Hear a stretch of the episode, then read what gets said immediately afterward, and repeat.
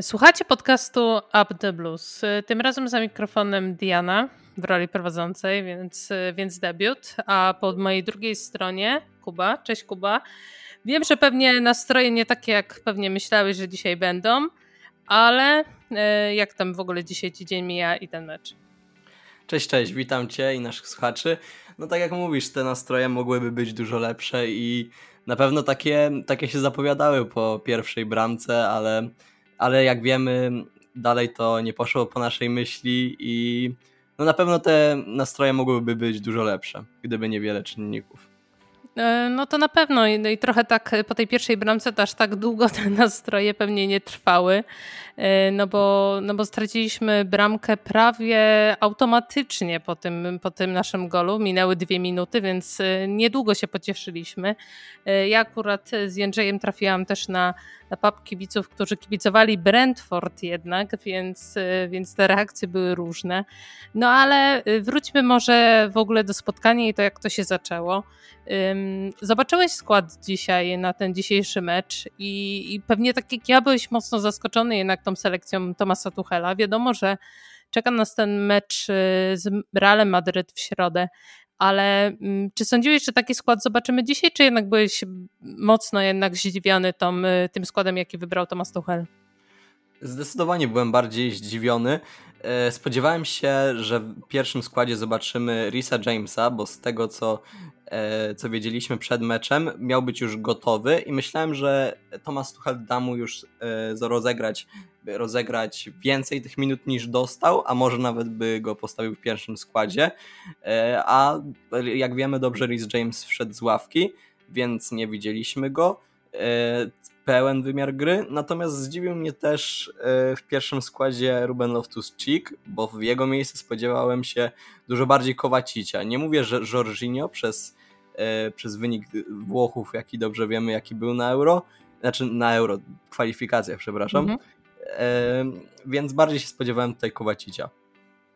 No właśnie, ja powiem Ci szczerze, że y, Rubena Loftusa Cheeka jakoś tam y, podświadomie miałam tę taką możliwość, że on może zagrać, ale spodziewałam się właśnie, ja bardziej, że Jorginho zagra, szczególnie, że z y, kadry Włoch był puszczony wcześniej, więc miał te kilka dni więcej niż na przykład Mateo Kovacic czy, czy inni pomocnicy, żeby, żeby troszkę przygotować się do tego spotkania, więc ja tu byłam zaskoczona, że jednak wyszliśmy z N'Golo Kante w duecie z Rubenem Loftusem Cheekiem i Masonem Mountem w środku. E, no ale ten na przykład Timo Werner, co sądzisz w ogóle o jego występie dzisiaj? Czy, czy to była taka kolejna szansa dana, dana do Niemca i, i Timo znowu jej nie wykorzystał? No bo przecież miał ten mecz pucharowy, w którym przecież strzelił e, dwie bramki. No ale, ale co z tym Wernerem? Czy, czy ten mecz cię przekonał, czy, czy zupełnie już nie? Według mnie Timo Werner e, od e, paru meczy e, po prostu no, nic nie pokazuje, po prostu przechodzi obok tego meczu. E, tak jak wiemy też e, statystyki po tym meczu Timo Wernera były, e, no, były tragiczne. No, wszędzie, wszędzie widać te zera przy, przy różnych statystykach, na przykład zero udanych driblingów, zero szans stworzonych, zero celnych E, strzałów na bramkę, no nie, nie są to dobre statystyki e, i na pewno mo można o nim powiedzieć, że to był naj, chyba najgorszy, nie na pewno najgorszy gracz z naszej dzisiaj, z naszej ofensywy i właściwie nie wiem, czy w którymś momencie mógł się rzucić komuś w oczy. No to ja się tutaj oczywiście z Tobą zgadzam, że, że to nie był na pewno dobry mecz Wernera i tutaj zasługuje na te wszystkie komentarze, które dostaję, poza tym tego, że to był bardzo słaby, słaby występ. Kolejny już zresztą, że Timo dostaje te szanse, których niektórzy gracze jednak nie dostają, a zupełnie ich nie wykorzystuje. I trochę szkoda, patrząc na to, jak Werner się sprawował nawet w zeszłym sezonie, gdzie może te statystyki nie wyglądały jakoś wybitnie, ale walczył i, i miał te takie czy przyspieszenia z piłką, czy bez piłki, czy ściąganie obrońców, a tego, tego dzisiaj na pewno zabrakło. No ale tak spojrzałeś dzisiaj na ten skład i na tą formację i spodziewałeś się takiego wyniku, czy, czy jednak nie? Czy, czy jednak spodziewałeś się, że, że Chelsea spokojnie, nawet z tymi zmianami w składzie, sobie poradzi? Czy, czy miałeś jakieś takie obiekcje odnośnie tego, że tutaj nas czeka jednak ten ważne spotkanie? a Brentford jednak nie wyglądało wcześniej przed meczem, przynajmniej na papierze, na taką drużynę, która powinna nam sprawić aż takie problemy. Spodziewałem się na pewno, że Brentford e, zacznie, przy, zacznie przyciskać od samego początku i będzie chciało, tak jak chyba jeden z komentatorów powiedział, na początku nam coś strzelić, a później już grać na, e, na kontrataki. Tak się, tak się gdyby Brentford strzeliło, by pewnie stało, ale, e, ale na pewno myślę, że mogliśmy, gdybyśmy po tej pierwszej bramce się nie rozsypali, bo ta bramka dla Brentford padła od razu bardzo szybko, to myślałem, że bardziej jednak zdominujemy ten mecz i będziemy, e, i będziemy zaciskać ten Brentford coraz bardziej wokół, wokół pola karnego. No a jednak wiemy, że tak się nie stało później. No, no właśnie, niestety tak się nastało, ale, ale winę byś zrzucał tutaj na, na selekcję Tomasa Tuchela, na rozwiązania taktyczne, czy, czy może na samych zawodników, których wybrał Tuchel, którym powierzył te, te takie piętno dzisiejszego spotkania, którym zawierzył, że dadzą sobie radę. Y, kto to jest winny? Czy może zawodnicy, którzy, którzy się nie sprawdzili na boisku? I to jest pośrednia wina Tuchela, czy, czy sama taktyka? Jak ty to widzisz? Myślę, że jednak Tuchel, e, że głównie tutaj należy, e, należy konsekwencje jakby e, za ten rezultat, jaki był, jaki końcowy, no to jednak trzeba winić Tomasa Tuchela, no bo po pierwsze zmiany późne, które już nas nie dziwią, bo jednak te zmiany zawsze następują, chyba później niż wszyscy byśmy się tego byśmy oczekiwali. No i przede wszystkim formacja, która była bardzo eksperymentalna i mam nadzieję, że jednak nią nie wyjdziemy na Real Madryt. No właśnie, ja na Real się spodziewam na pewno zmian takich bardziej do podstawowego składu, no ale tutaj ym, w tej formacji, którą dzisiaj graliśmy, która była dość dziwna, bo nie wiem, nie wiem czy zauważyłeś, ale ja miałam na przykład razem z chłopakami problem, by dzisiaj stwierdzić, na jakiej pozycji gra N'Golo Kante. Nie wiem, czy ty też tak miałeś. Tak, był w ale N'Golo Kante właśnie w pewnych momentach był wszędzie. Był i pod polem karnym i próbował y, troszkę driblingu i w polu karnym, tam dośrodkowań. Był takim zawodnikiem, który, którym ja bym się spodziewała, że Mason Mount będzie tak biegał bardziej niż Angolo Kante w dzisiejszym spotkaniu. I nie wiem, czy to była sama inwencja Angolo Kante spowodowana urodzinami i tym, że może celebracja się trochę przedłużyła, czy, czy tym, że dostał takie zalecenia taktyczne od Tomasa Tuchela, ale to była bardzo dziwna decyzja według mnie, że N'Golo Kante... był niżej niż N'Golo Kante nawet w wielu No właśnie, momentach. właśnie, to, to, to, było dość dziwne. Już myślę, że w drugiej połowie już to było bardziej uschem, uschematyzowane, ale jednak w tej pierwszej to, to była dość dziwna decyzja. No i na przykład wracając do tych wyborów też jeszcze Tomasa Tuchela, y, co, co sądzisz o, o występie na przykład Marcosa Alonso dzisiaj? Czy Y, Marcos Alonso pokazał po raz kolejny, że, że nie jest zbyt dobrym obrońcą, jeżeli chodzi o bycie obrońcą, a nie wahadłowym. Czy jednak sądzisz, że to nie był aż tak zły występ Marcosa i, i może być on jeszcze jakoś, jakimś zamiennikiem w planach jeszcze nawet na przyszły sezon? No o Marcosie Alonso mówiłem wiele razy, że dla mnie e, jeśli chodzi o... Znaczy to nie był jego w sumie najgorszy mecz z możliwych, bo nie popełnił chyba, wydaje mi się, jakiegoś takiego e, dużego farfocla, ale, e, ale no nie był to jego dobry mecz i na pewno możemy tylko, możemy tylko prosić, żeby Chilwell jak najszybciej wracał, e, bo wiemy, bo wiemy na, jaka jest różnica pomiędzy tymi dwoma zawodnikami i myślę, że Marcos Alonso nie pokazał nic ani w defensywie, ani w ofensywie, za co moglibyśmy go pochwalić. No właśnie Marcos Alonso tam bardzo, bardzo często jednak tracił tą piłkę, chociaż ja tutaj bym powiedziała, że, że był to słaby występ jednak e, Marcosa, to, to wydaje mi się, że, że było jednak kilku gorszych zawodników na, na boisku, tak samo jak już wcześniej wspominaliśmy Timo Wernera, ale y, na grupie przed, przed nagrywaniem tego podcastu, który nagrywamy w sumie prawie bezpośrednio po meczu, wpadła ankieta odnośnie zawodnika spotkania i widziałam, że tam mamy lekko rozbieżną opinię, dlatego do tego wrócę. Według Ciebie występ dzisiaj Antonio Rudigera. Czy Antonio Rudiger samą tym przepięknym golem oczywiście z 40 metrów, e, trzeba mu to przyznać, że, że w końcu mu wpadło. Taka próba jest chociaż raz na spotkanie zawsze Antonio Rudigera było już e, kilka razy blisko, czy to, czy to poprzeczki, czy te piłki lecące minimalnie obok słupka, ale, ale w końcu mu wpadło przepięknie. No, sądzę, że tutaj już będzie początek kwietnia, my już zobaczyliśmy gola miesiąca w Chelsea.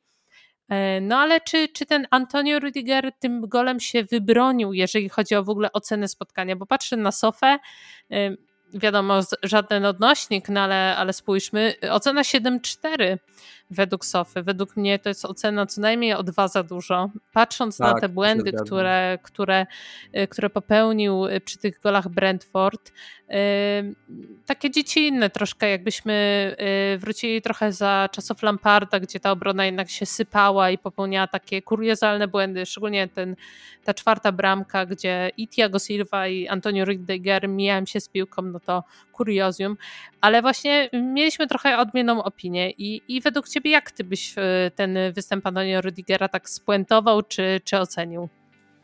Ja zacznę od tego, że dla mnie w tym meczu nikogo nie możemy nazwać e, zawod zawodnikiem tego spotkania, ale zdecydowanie nie powiedziałbym, że to był Antonio Rudiger.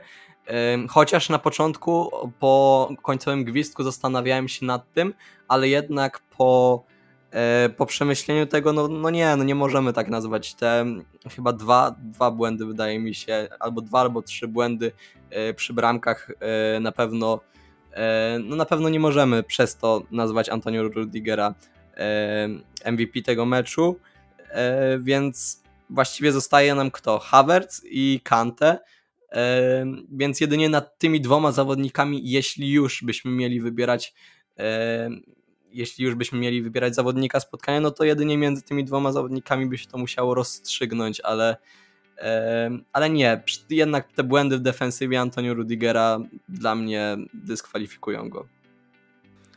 No właśnie dla mnie też, chociaż e, tak jak przyznałeś, ciężko tutaj dać komuś zawodnika spotkania, bo mimo że Kai Havertz y, miał trochę taką niemrawą tą pierwszą połowę, w drugiej połowie już, już troszkę lepiej, szczególnie po wejściu Lukaku, co też trzeba, trzeba oddać Lukaku, że Kai Havertz dostał więcej przestrzeni po tym, po tym wejściu Lukaku.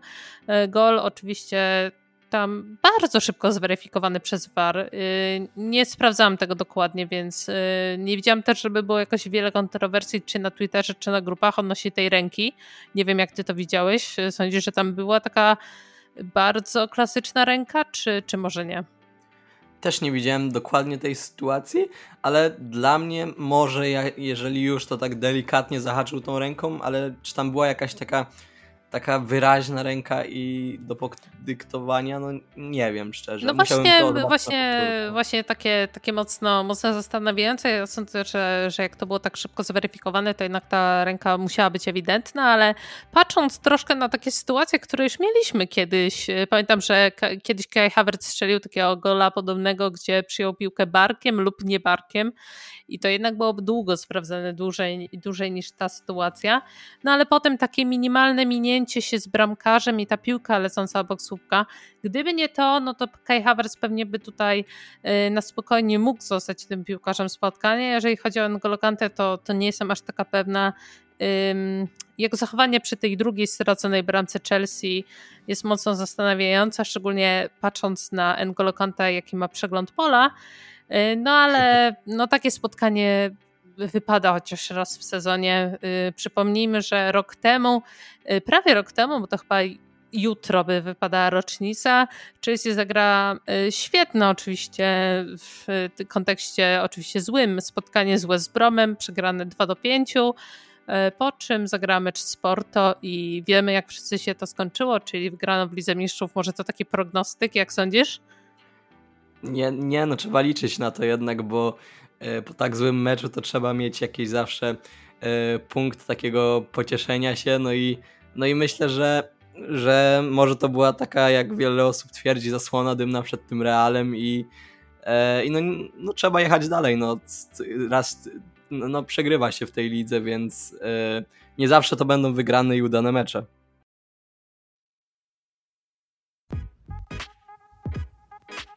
Słuchacie podcastu Up the Plus, robionego całkowicie oddolnie od kibiców dla kibiców. Jeśli lubicie nasze programy i doceniacie naszą pracę, obserwujcie nasz kanał na Spotify, YouTube i Google Podcast. Na YouTube możecie też dorzucić łapkę w górę, a na Spotify nas ocenić. Z góry dzięki w imieniu całej ekipy. No ale dobra, ale tak patrząc, już po tym meczu, ten mecz już jest historią oczywiście, już y, nic nie możemy poradzić na to, jaki jest ten wynik. Y, jak w ogóle zapatrujesz się na, na sytuację w lidze y, do końca tego sezonu? No bo Chelsea aktualnie ma 59 punktów, 29 spotkań rozegranych. No tutaj już nie możemy mówić, że będziemy walczyć o jakieś drugie miejsce w lidze, no bo ten występ to dobitnie przekreśla, ponieważ e, aktualnie tracimy 13 punktów do Liverpoolu. Mecz zaległy oczywiście, ale nawet jak wygramy mecz zaległy, będzie to 10. No ale musimy się patrzeć e, za plecy oczywiście. I kiedyś to by było nie do pomyślenia, początek sezonu, Arsenal e, w dole tabeli. No ale patrzymy za plecy i widzimy właśnie ten Arsenal. 54 punkty, spotkanie rozegrane mniej, czyli 5 punktów straty i spotkanie w zapasie. No i mecz, który my musimy rozegrać z nimi zaległy, więc jak się zapatrujesz? Oczywiście jeszcze jest Tottenham, który ma tyle samo spotkań rozegranych i 8 punktów straty. Jak zapatrujesz się w ogóle na tą sytuację w tabeli? Czy znowu będzie to taka nerwówka jak w zeszłym sezonie? Czy myślisz, że Chelsea z tym terminaczem na spokojnie powinna sobie poradzić? Ale czy to będzie trzecie, czy może czwarte miejsce? Jak, jak myślisz? Można powiedzieć, że jeżeli Arsenal wygra swoje spotkanie z Crystal Palace, od czego oczywiście nie chcemy i trzymamy kciuki za Conora, żeby, e, żeby, poko- żeby to jego Crystal Palace pokonało Arsenal, to będą takie dwa, dwa w sumie ważne spotkania, czyli Manchester City, Liverpool i Chelsea z Arsenalem. O, o, o to może powiedzmy to trzecie miejsce, ale oczywiście tego bym bardzo nie chciał i, i liczę, że tak nie będzie, ale jednak uważam, że to będzie taki, że jednak nie sądzę, żeby Arsenal mógł się zbliżyć, e, żeby mógł wyprzedzić Chelsea w tabeli i myślę, że jednak my zostaniemy na tej trzeciej pozycji, a Arsenal będzie, będzie bardziej rywalizował z tymi drużynami Tottenham, Tottenhamem i Manchesterem United, a my jednak e, no, zbliżyliśmy się bardziej do tego, żeby patrzeć w ten tył, a nie, a nie w przód, bo bo możesz się chyba ze mną zgodzić, że my teraz cały czas jesteśmy w takiej, takiej dolinie pomiędzy tym pierwszym i drugim miejscem, a walką o top 4 i właściwie nie, mu, nie, nie musimy ani, ani się bać, nie, nie musieliśmy ani się bać o, e, o, o to, że Arsenal nas wyprzedzi, mhm. ani o to, że możemy wyprzedzić albo Liverpool, albo Manchester City. No a teraz jednak przez ten mecz musimy, musimy bardziej e, kontrolować następne spotkania, żeby tego uniknąć. No tak, od, od pewnego momentu jesteśmy trochę na tej ziemi niczyjej, e, ponieważ nawet jak Chelsea troszkę, troszkę nie szło, to innym zespołom też nie szło i, i to był taki ewenement w historii Chelsea, bo z reguły było tak, że jak Chelsea już przegrywała, to reszta nas goniła. I znaleźliśmy się w tej ziemi niczej, tu się zgadzam, trochę na własne życzenie. Co szkoda, bo sądzę, że Chelsea akurat ma taki skład, który mogłaby powalczyć o to mistrzostwo i, i na własne życzenie, szczególnie tymi remisami, yy, zapracowała na to tam, gdzie jest. Yy, powiem Ci szczerze, że ja się obawiam trochę tego Arsenala, tylko ze względu na to, że e, te dwa punkty różnicy i ten mecz bezpośredni nakłada na Chelsea troszkę taką presję, pod tym względem, że my jednak mamy jeszcze tą Ligę Mistrzów i, i półfinał FA Cup e, z Crystal Palace, a Arsenal ma tylko ligę i, i ma, ma możliwość y, sobie spokojnego odpoczynku w trakcie tygodnia, by przygotować się do tych ważnych spotkań. Ale tak jak już wspomniałeś, może być tak, że, że jeżeli wygramy ten zaległy spotkanie z Arsenalem, miejmy nadzieję, to, to te pięć punktów y, przewagi powinno nam na spokojnie już y, ustawić tą sytuację w lidze. Patrzę sobie na ten terminarz Arsenalu, to tak jak wspomniałeś, Crystal Palace w poniedziałek. Trzymamy kciuki za Conora Gallaghera niech, e, niech robi swoje. E, mamy też Brighton, Southampton, właśnie mecz z Chelsea, Manchester United, West Hamem, Leeds, Newcastle i Evertonem. Patrzę na ten terminarz i mówię, jest to terminarz, w którym Arsenal spokojnie może się znaleźć w top 4 i, I ten właśnie mecz z Chelsea może być taki decydujący, gdzie, gdzie możemy sobie na spokojnie te trzecie miejsce zagwarantować. Miejmy nadzieję. Y, jak zapatrujesz się na mecz z Realem? Tak szybko? Mam nadzieję, że, y, że, będą, że będzie dużo zmian w y, składzie. Najbardziej liczę jednak na to, że Rhys James wyjdzie, wyjdzie w podstawie, no i, no i że, że na spokojnie będzie dobra, dobry mecz i przede wszystkim zwycięski dla nas. To jaki wynik? Sprawdzimy. Typuję, że po będzie... środzie. Typuję, że 2-1 dla Chelsea. To ty typujesz 2-1, ja tutaj typuję 2-0. Chciałabym taki wynik. 2-0 na spokojnie. E, zobaczymy. Oczywiście tutaj zapraszamy wszystkich na, na podcast, który kończy się w poniedziałek, e, w którym Jędrzej nagrał zapowiedź meczu z Realem ze specjalnym gościem, e, specjalnym, więc zapowiadamy gorąco, ponieważ będzie to na pewno super lektura do odsłuchania. No i następnym razem słyszycie się już właśnie z Jędrzejem w poniedziałek oraz z chłopakami po meczu bezpośrednio, pewnie po meczu z Realem na gorąco, gdzie, gdzie omówią całe spotkanie i to, co się działo. Miejmy nadzieję, że w troszkę lepszych nastrojach odnośnie wyniku, chociaż tutaj nastroje, tak jak słyszycie, nie są też najgorsze, ponieważ dobrze na przyszłość widzimy, widzimy dobrą przyszłość przed Chelsea w tym sezonie jeszcze. Tak więc dziękuję Ci, Kuba. Dzięki. I słyszymy się ponownie już w poniedziałek. Cześć.